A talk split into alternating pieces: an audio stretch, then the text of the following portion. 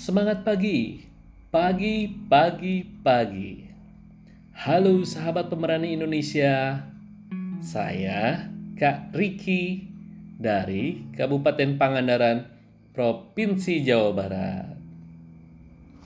Kali ini kakak akan membawakan cerita dengan judul Kita Semua Pahlawan. Baik, kita mulai ceritanya ya. Pada suatu hari, di kala pandemi ini melanda seluruh manusia yang ada di dunia ini, ada adik kakak yang sedang bermain di rumah, tepatnya di ruangan TV. Sang adik bertanya kepada sang kakak yang sedang ada di tepat di depan TV. Kakak, lagi nonton apa? Ini nih berita tentang para tenaga medis yang menangani pasien corona. Jawab si kakak. Si ade bertanya lagi. Tenaga medis kak? Iya, tenaga medis adalah orang-orang yang mengabdikan diri dan punya pengetahuan dasar di bidang kesehatan, Dek.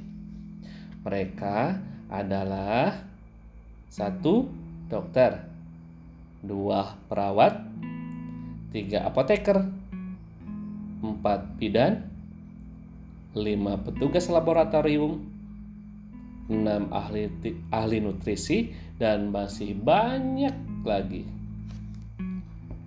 Si Ade pun bertanya lagi kepada si kakak. Kak, kok mereka pakai baju seperti astronot ya? Si kakak langsung menjawab, mereka menggunakan alat pelindung diri, Dek, bukan baju astronot, agar tidak tertular virus. Alat pelindung diri itu adalah alat yang digunakan oleh tenaga kesehatan ketika lagi menangani pasien COVID. Baik, kakak jelaskan ya apa saja yang ada di tubuh mereka. Pertama, penutup kepala. Kedua, pengaman muka atau face shield.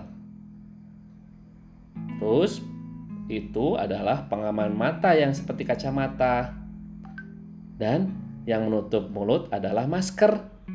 Masker N95. Masker yang selalu digunakan oleh tenaga medis ketika sedang menangani pasien COVID. Nah, itu yang di tangan yang mereka pakai adalah sarung tangan bedah. Dan yang menutupi yang uh, warna putih itu adalah baju penutup seluruh tubuh. Dan tentunya mereka selalu memakai sepatu boots anti air. Si Ade pun sangat antusias mendengarkan penjelasan si kakak yang sedang menjelaskan apa itu alat pelindung diri. Dan si Ade pun bertanya lagi. Wah, selain panas, pasti beresiko tertular ya kak. Mereka benar-benar pahlawan. Puji si Ade terhadap tenaga kesehatan. Dan si kakak keput respon menjawab. Kita juga bisa jadi pahlawan dek bagi diri kita dan orang-orang di sekitar. Menjadi pahlawan bisa dilakukan dengan menjaga kesehatan, Dek. Caranya satu, meningkatkan daya tahan tubuh dengan cara makanan bergizi, istirahat cukup, dan olahraga. Kedua, mencuci tangan dengan air dan sabun.